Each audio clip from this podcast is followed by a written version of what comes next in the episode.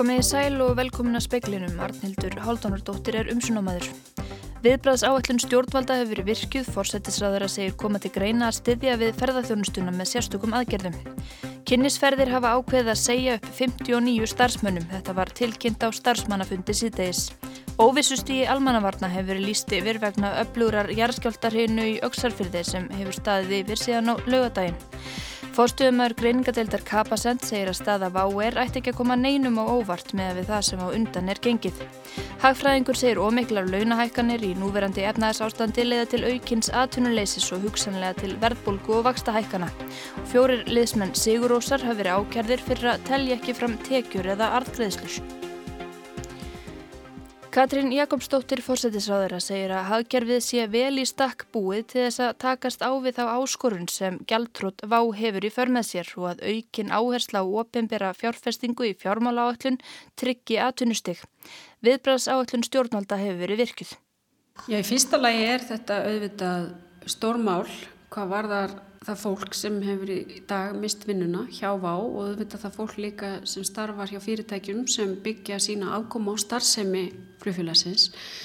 Þannig að aðkoma stjórnvaldir auðvitað í gegnum vinnumálastofnun sem hefur ræst út sitt fólk og ræst út fleira fólk en venjulega til að takast á við þetta því þetta er auðvitað mjög stór hópur sem er að missa þarna vinnun á einu bretti. Eru einhver sérstök, sérstakar aðgerði sem þið getur gripið til til þess að auðvelda þessu fólki lífið? Ég stjórnvöld voru þetta undirbúin undir þetta og að því leitinu til að við vissum að það gæti komið til kólnunar í hagkerfinu og það var ástæða þess að við ákvaðum að hækka annars vegar atvinnilegsbætur og hins vegar greiðslur úr ábyrðasjóðu launa í fyrra.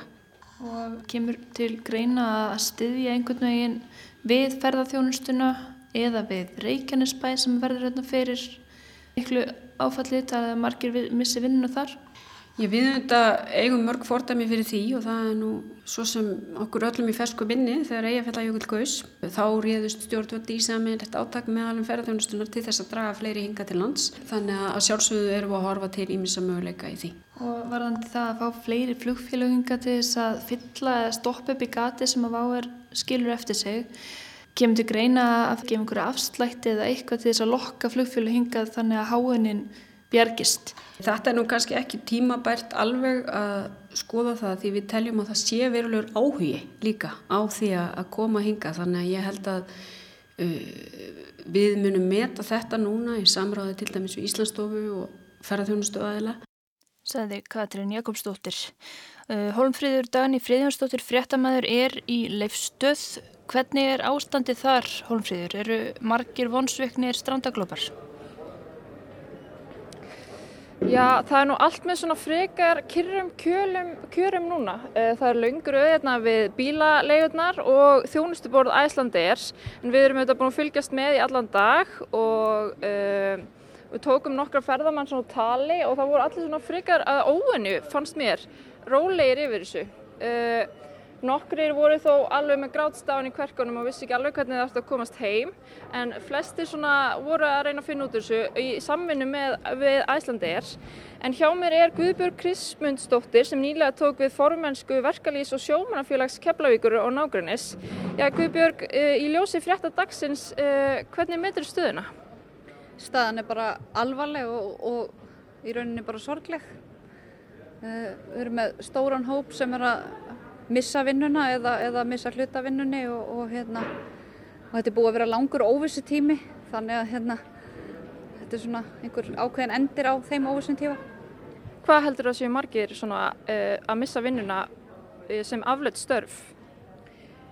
Sko ég held að þetta gæti alveg verið eh, allt til allt þeirra, þeirra hérna, eftir kannski, já, þeirra verður farið svona eins að setjast í þetta gæti alveg orðið jafnvel 300-400 störf á vellinum þá eða líka í Reykjanesbæ? Í Reykjanesbæ, en svo veit maður ekki hvernig, hvernig niðurstaðan á því verður, hvernig eh, fyrirtæki ná að vinna úr þessu og svona hvað þau eru í stakk búin til að vinna úr þessu.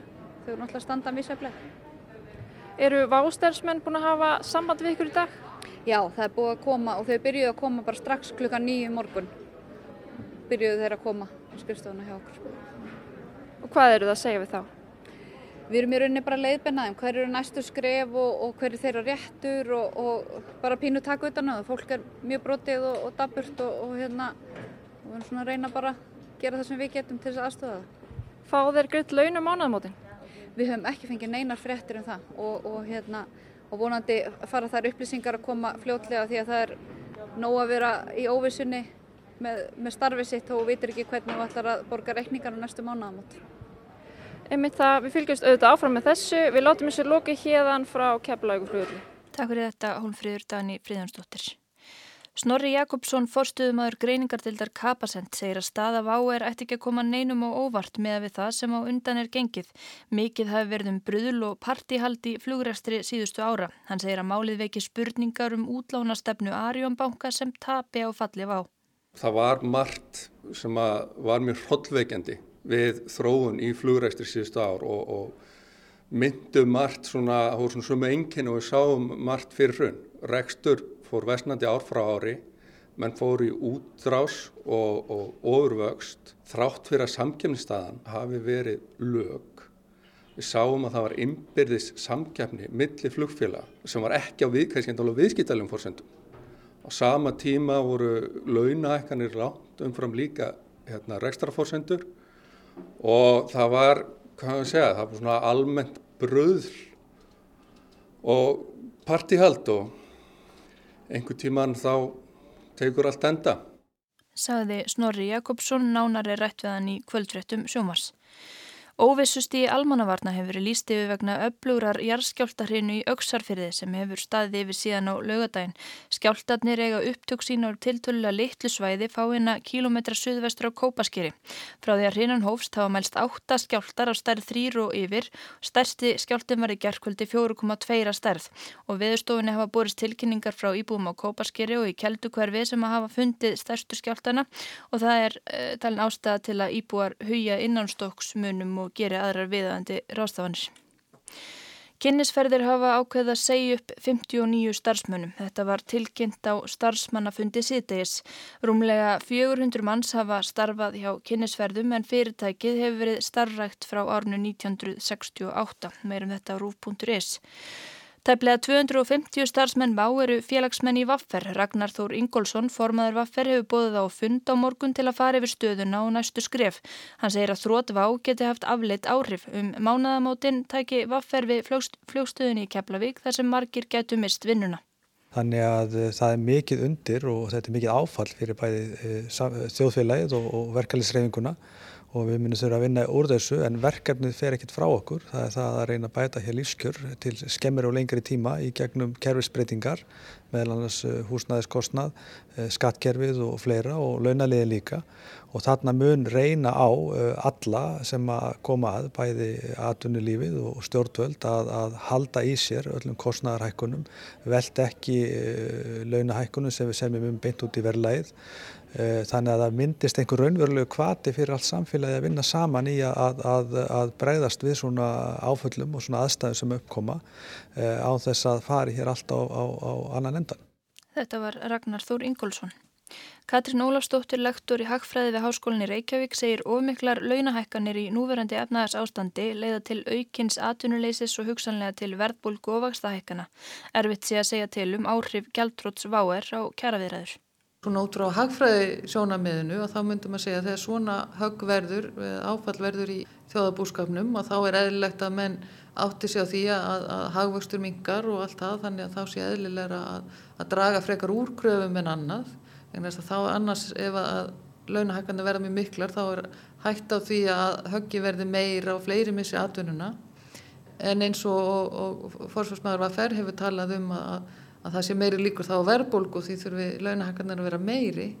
E, það er, jú, það er ákveðin rauk fyrir því að, að, að það er útlitt fyrir það að verðbólgu gæti orðið meiri einfallega vegna að krónan mun líklega veikjast við þetta. En það er þá spurning hvort að hvernig kjærsamningi spila inn í þetta neikvæðara efnarsástand sem við erum að horfa núna bæði þetta og loðnuna að e, ofmikla launahækkanir í þessu umhverfi munu verði þess að atvinnleysir þið ennþá meira og síðan þá er þið hugsanlega myndi það líka þá uh, bætast inn í verðbólguna og þá eru við farin að horfa peningastöfnu hliðina að þá eru líkur á, á, á vakstahækkun ennþá meiri og bæði verbulgan og vakstahækkunum er þá lenda vest á þeim sem eru kannski vest settir þar með lagstu launin og, og mögulega hægstu skuldinnar saði Katrín Ólafsdóttir. Hvað ef allt fyrir að versta veg? Þessa spurningu hafa ófáir borið upp í tengslum við rekstur flugfélagsins VÁR undanfarnadaga. Hver verða áhrif brott hvers VÁ á ferðarþjónustuna, á efnaðarslífið, á starfsfólk og farþega, á kjaraviðræðunar. Í kvöld ætlum að velta fyrir okkur áhrifum tíðendidagsins og hjá okkur er Jóhannes Þór Skúlason, framkvæmdastjóri samtaka ferðarþjónustunar. Jónas, verður velkominn. Það er vantilega mætt mikið á þér í dag en uh, það sem er að gerast er þetta byrtingamynda því að uh, menn hafa farið á geist í hlutina að ferðarþjóðunastan hafi reynilega vaksið allt of frætt. Ég veit ekki hvort ég getum sagt að þessi byrtingamynda af því. Við veitum það náttúrulega að vöxturinn hefur verið gríðarlegur undanfærin ár. En það eru mjög margir þættir sem hafa lagst saman til þess að, að, að, að það hafi orðið þannig og ég held að kannski sé frekar að, að það umhverfi sem að verður til þess að, að hægt er að reyka hér tvö flugfélög um ákveðin tíma að, að það skapast í þessum vexti.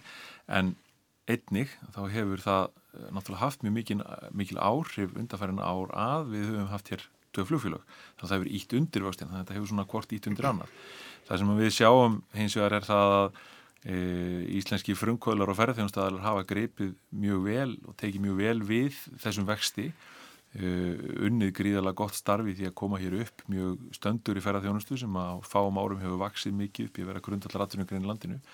Þannig ég held að við getum sagt að við séum hérna búin að byggja upp e, gríðalega vel og verkefni núna er þá eftir þessi tíðinda er að halda utanum þá uppbyggingu þannig að hún verði grundvöldur að, að framtíðin hjá okkur eins og, eins og hún orðin dag. En ef við skoðum efnaðas áhrifuna því sem að nú er orðið, við spurðum Katrinu Ólustóttur Hagfræðing hvort að við værum að sykla inn í bara hreinlega kreppu ástand. Nei, ég held að það sé nú óþálega djúft í árun að teki. Þetta er auðvitað skellur þegar þetta gerist. E, nú verður eitthvað stopp í því. Nú skiptir miklu máli hvernig unnið er úr þessari stöðu. Það er að segja, það skiptir máli fyrir orðspór Íslands sem ferðamannastæðar E, hvað var þar, þannig að svona til skamstíma liti þá verður þetta áfall og þetta verður svona hægir á hagvexti allar fyrir þetta ár eða jafnvel fyrir við yfir í samdrátt, það, það er möguleiki.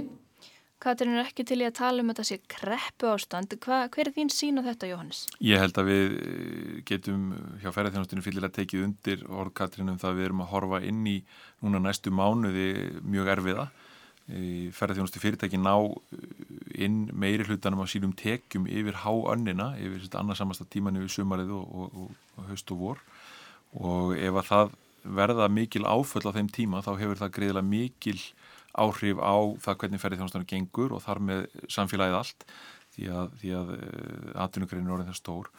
Nú við náttúrulega vonumst til þess að þetta hafi síðan kannski minkandi áhrif eftir því sem líður lengra í tíma en þetta mun taka alltaf tveimur árum telju við að jafna sig upp. Það er kannski að hægt að tala um kreppu eða áfalli í ferðarþjónastunni að eh, starfnið er svo að það hafa aldrei fleirum eða fleiri mist vinnun á einu bretti á Íslandi e, og við erum kannski bara að sjá byrjunna. Já, því miður er það þannig og það er náttúrulega skelvilega byrtingamind af þessu í dag. Þetta er yfir 1100 manns? Þetta er um 1100 manns í dag, við vitum að það er vantanlega vona á, á fleirum í kjálfarið. Uh, við vitum það að ferðarþjónustina þannig uppið, þetta er mjög mikið af litlum fyrirtækjum og bara, ef, bara sem dæmi ef að um 20% af öllum fyrirtækjum ferðarþjónustu sem er tíu starfsminni eða færri þurfa að hagræða þannig að þeir taki út eitt starf þá getur það verið á milli 400 og 600 starf sem að tapast með þeim hætti. Þetta eru tölur sem eru því miður mjög fljótar að vinda upp á sig. Nú eru sérfræðingar ekkit á einu málum það hversu langvind þetta áfall verður. Eh, Katrín til dæmis talaði um að það gætu önnur flugfélag komið, hlaupið í skarði bara fljótlega. Háanatímin er framundan. Eh, Arjón banki sérfræðingar þar telja að það geti tekið langan tíma að fylla skarð á að Vá hafi runni verið að borga með sínum farþegum bara frá því félagi var stopnað einhverjum tveimur árum undanskildum og markaðurinn kannski ekkert svo arbær og, og staðan á flugmarkaðu þetta þraung. Hvað heldur þú? Heldur að það sé hægt að stoppa upp í þetta gat sem að hefur núna myndast áður en að tapir verður á mikið bara af því að einmitt, margir vilja koma í þetta sumurinn? Ég held að við verðum að fyrst byrja því að horfa á þetta út frá því að áfangastæðurinn Ísland er sterkur. Þetta er stert vörumerki sem við erum að vinna með og sterkur áfangastæður og sjálfbær ferðarþjónustu áfangastæður hann mun vinna sig út úr svona aðstæðum. Spurningin bara hvað það tekur langan tíma. Eh, það sem við höfum stæstar áhugjur af eins og við komum að áðan er að núna svona næstu sex mánuðir. Eh, og, og ef að það tekst að fylla upp í það gað, við höfum séð að til dæmis Æslandi er hefur áallanir um það að, geta stíð inn í, í þetta rými Eh, við höfum séð líka að önnur flugfélag eru mögulega að velta því fyrir sig hvort við getið það en það er ekkert í hendi og gerist kannski hægt já og ég held að, að Ísafíja og stjórnvöld þurfa að skoða það mjög vel hvort að það er hægt að setja eh, einhvers konar eh, kvata í gang til þess að þetta gerist hraðar heldur en alla. En þú sér að Ísland sé vinsælt ferðamannaland og er það, það líklega alveg rétt hjá þér að það er svona talsvert eh, ásókn í að koma til Íslands en erum við að tapa mörgum, erum við að tapa Norður Ameríku ég, að einhver leiti? Ég held að það sé nokkuð ljósta að það verður minna af eh, ferðamönnum frá Norður Ameríku hér svona á næstunni í kjölfara þessu en ég held að kannski e, á móti gætu við séð aukningu frá kjarnamörku um okkar í Evrópu. E, það fer svolítið eftir því hvernig þetta raðast saman, hvaða flugfélög stíga inn í rýmið og aðkvæm miklu leiti. E, það er hlutur sem er mjög erfitt að meta í dag. En núna gerist þetta á óheppilegum tíma, þetta er kannski ekki heppilegastu tímin fyrir stort gæltrótt, svona skömmu fyrir sumarið, erfiðleikarnir hjá vávoru byrjaðir í haust. Finnst þér að það hefur mistöka að býða, að, hérna, fara ekki bara í, í þetta í haust? Á meðan menn leifa berjastir og ég held að, að við getum öll hatt skilning á því. Það er aldrei góðu tími fyrir gjaldrótt en, en eh, ég held að, að eins og staðan er í dag þá, það, þá gerir það þetta ferðarþjónustin í hildsinni erfiðara fyrir akkurat núna en það hefði gert ef þetta hefði gerst í nógumber, það er alveg ljóst. En þú talar um eh, að uh, það verði meiri uppsagnir að það gæti komið upp að fyrirtæki þurfa að segja upp en erum við jafnvel að tala um reynilega að önnur fyrirtæki í ferðarþjónustunni fari reynilega á hausin að ferðarþjónustunn er hefur byrjað að högta þess ferðarmennum er að fækka óháð vá erum við að tala um að ykkur fyrirtæki gefa upp löpana? Já, við erum alveg að tala um þær aðstæður að, að þær, þær geta alveg skapast í kjölfari. Við höfum verið að tala um það frá því síðista sumar e, í, í þjóðfélagsumræðinni og bæði við hjá ferðarþjónastunni og, og, og greinendur að, að e, það er framundan og hefur í rauninni byrjaður samþjöppunar ferill í ferðarþjónastu í Íslandi. Vöxturinn, þessi gríðarlegi vöxtur, hann hefur snúist í varnarbaráttu á undanförnum mánuðum og uh, það hefur haft það í förmið sér að, að bæði óvissan í rekstri fyrirtækjan mikil, mikil kostnaðarhekkanir hafa verið gríðarlega miklar og tekju, tekjur hafa lækkað. Þannig að mörg af þessum fyrirtækjum jafnvel bæði, sko bæði lítil og stór fyrirtæki, bæði fyrirtæki á landsbyðinu og höfuborgarsvæðinu, jafnvel gamal gróin ferðarþjónustu fyrirtæki e, eiga, eru með reksturinn í hjárnum skulum við segja og meiga ekki við mjög miklum höggum Þannig að þetta getur haft mjög viðtakar afleiðingar á virðiskeiði ferðarþjónustarar. Stjórnveld, þú nefndir þetta kvata áðan og, og þú hefur verið að funda með ríkistjórnunni, er það ekki, í dag eða stjórnvöldum? Ég hef hitt ímsa í dag, jú, meðal annars á það. Hvernig líst þér svona á viðbröðin? Ég held að við verðum að byrja því að rósa bæði stjórnvöldum og, og æslandir og fleirum fyrir að að bregðast við með góðri viðbrasáallum til þess að leysa úr svona þeim akut vanda sem verður til þegar þetta gerist. Komast randaglópum heim, það er ágætt áallin í gangi til þess.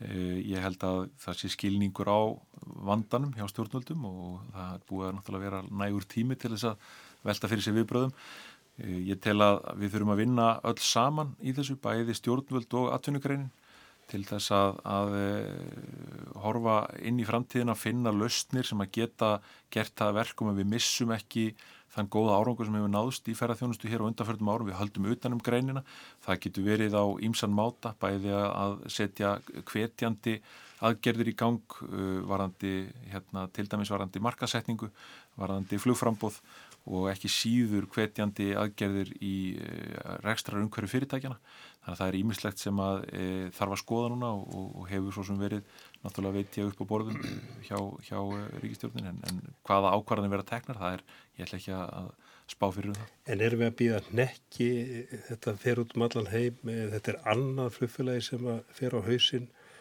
þú reyndir bara tvö flugfélög, það var eiginlega þriðja flugfélagi líka og það fór á hausinn.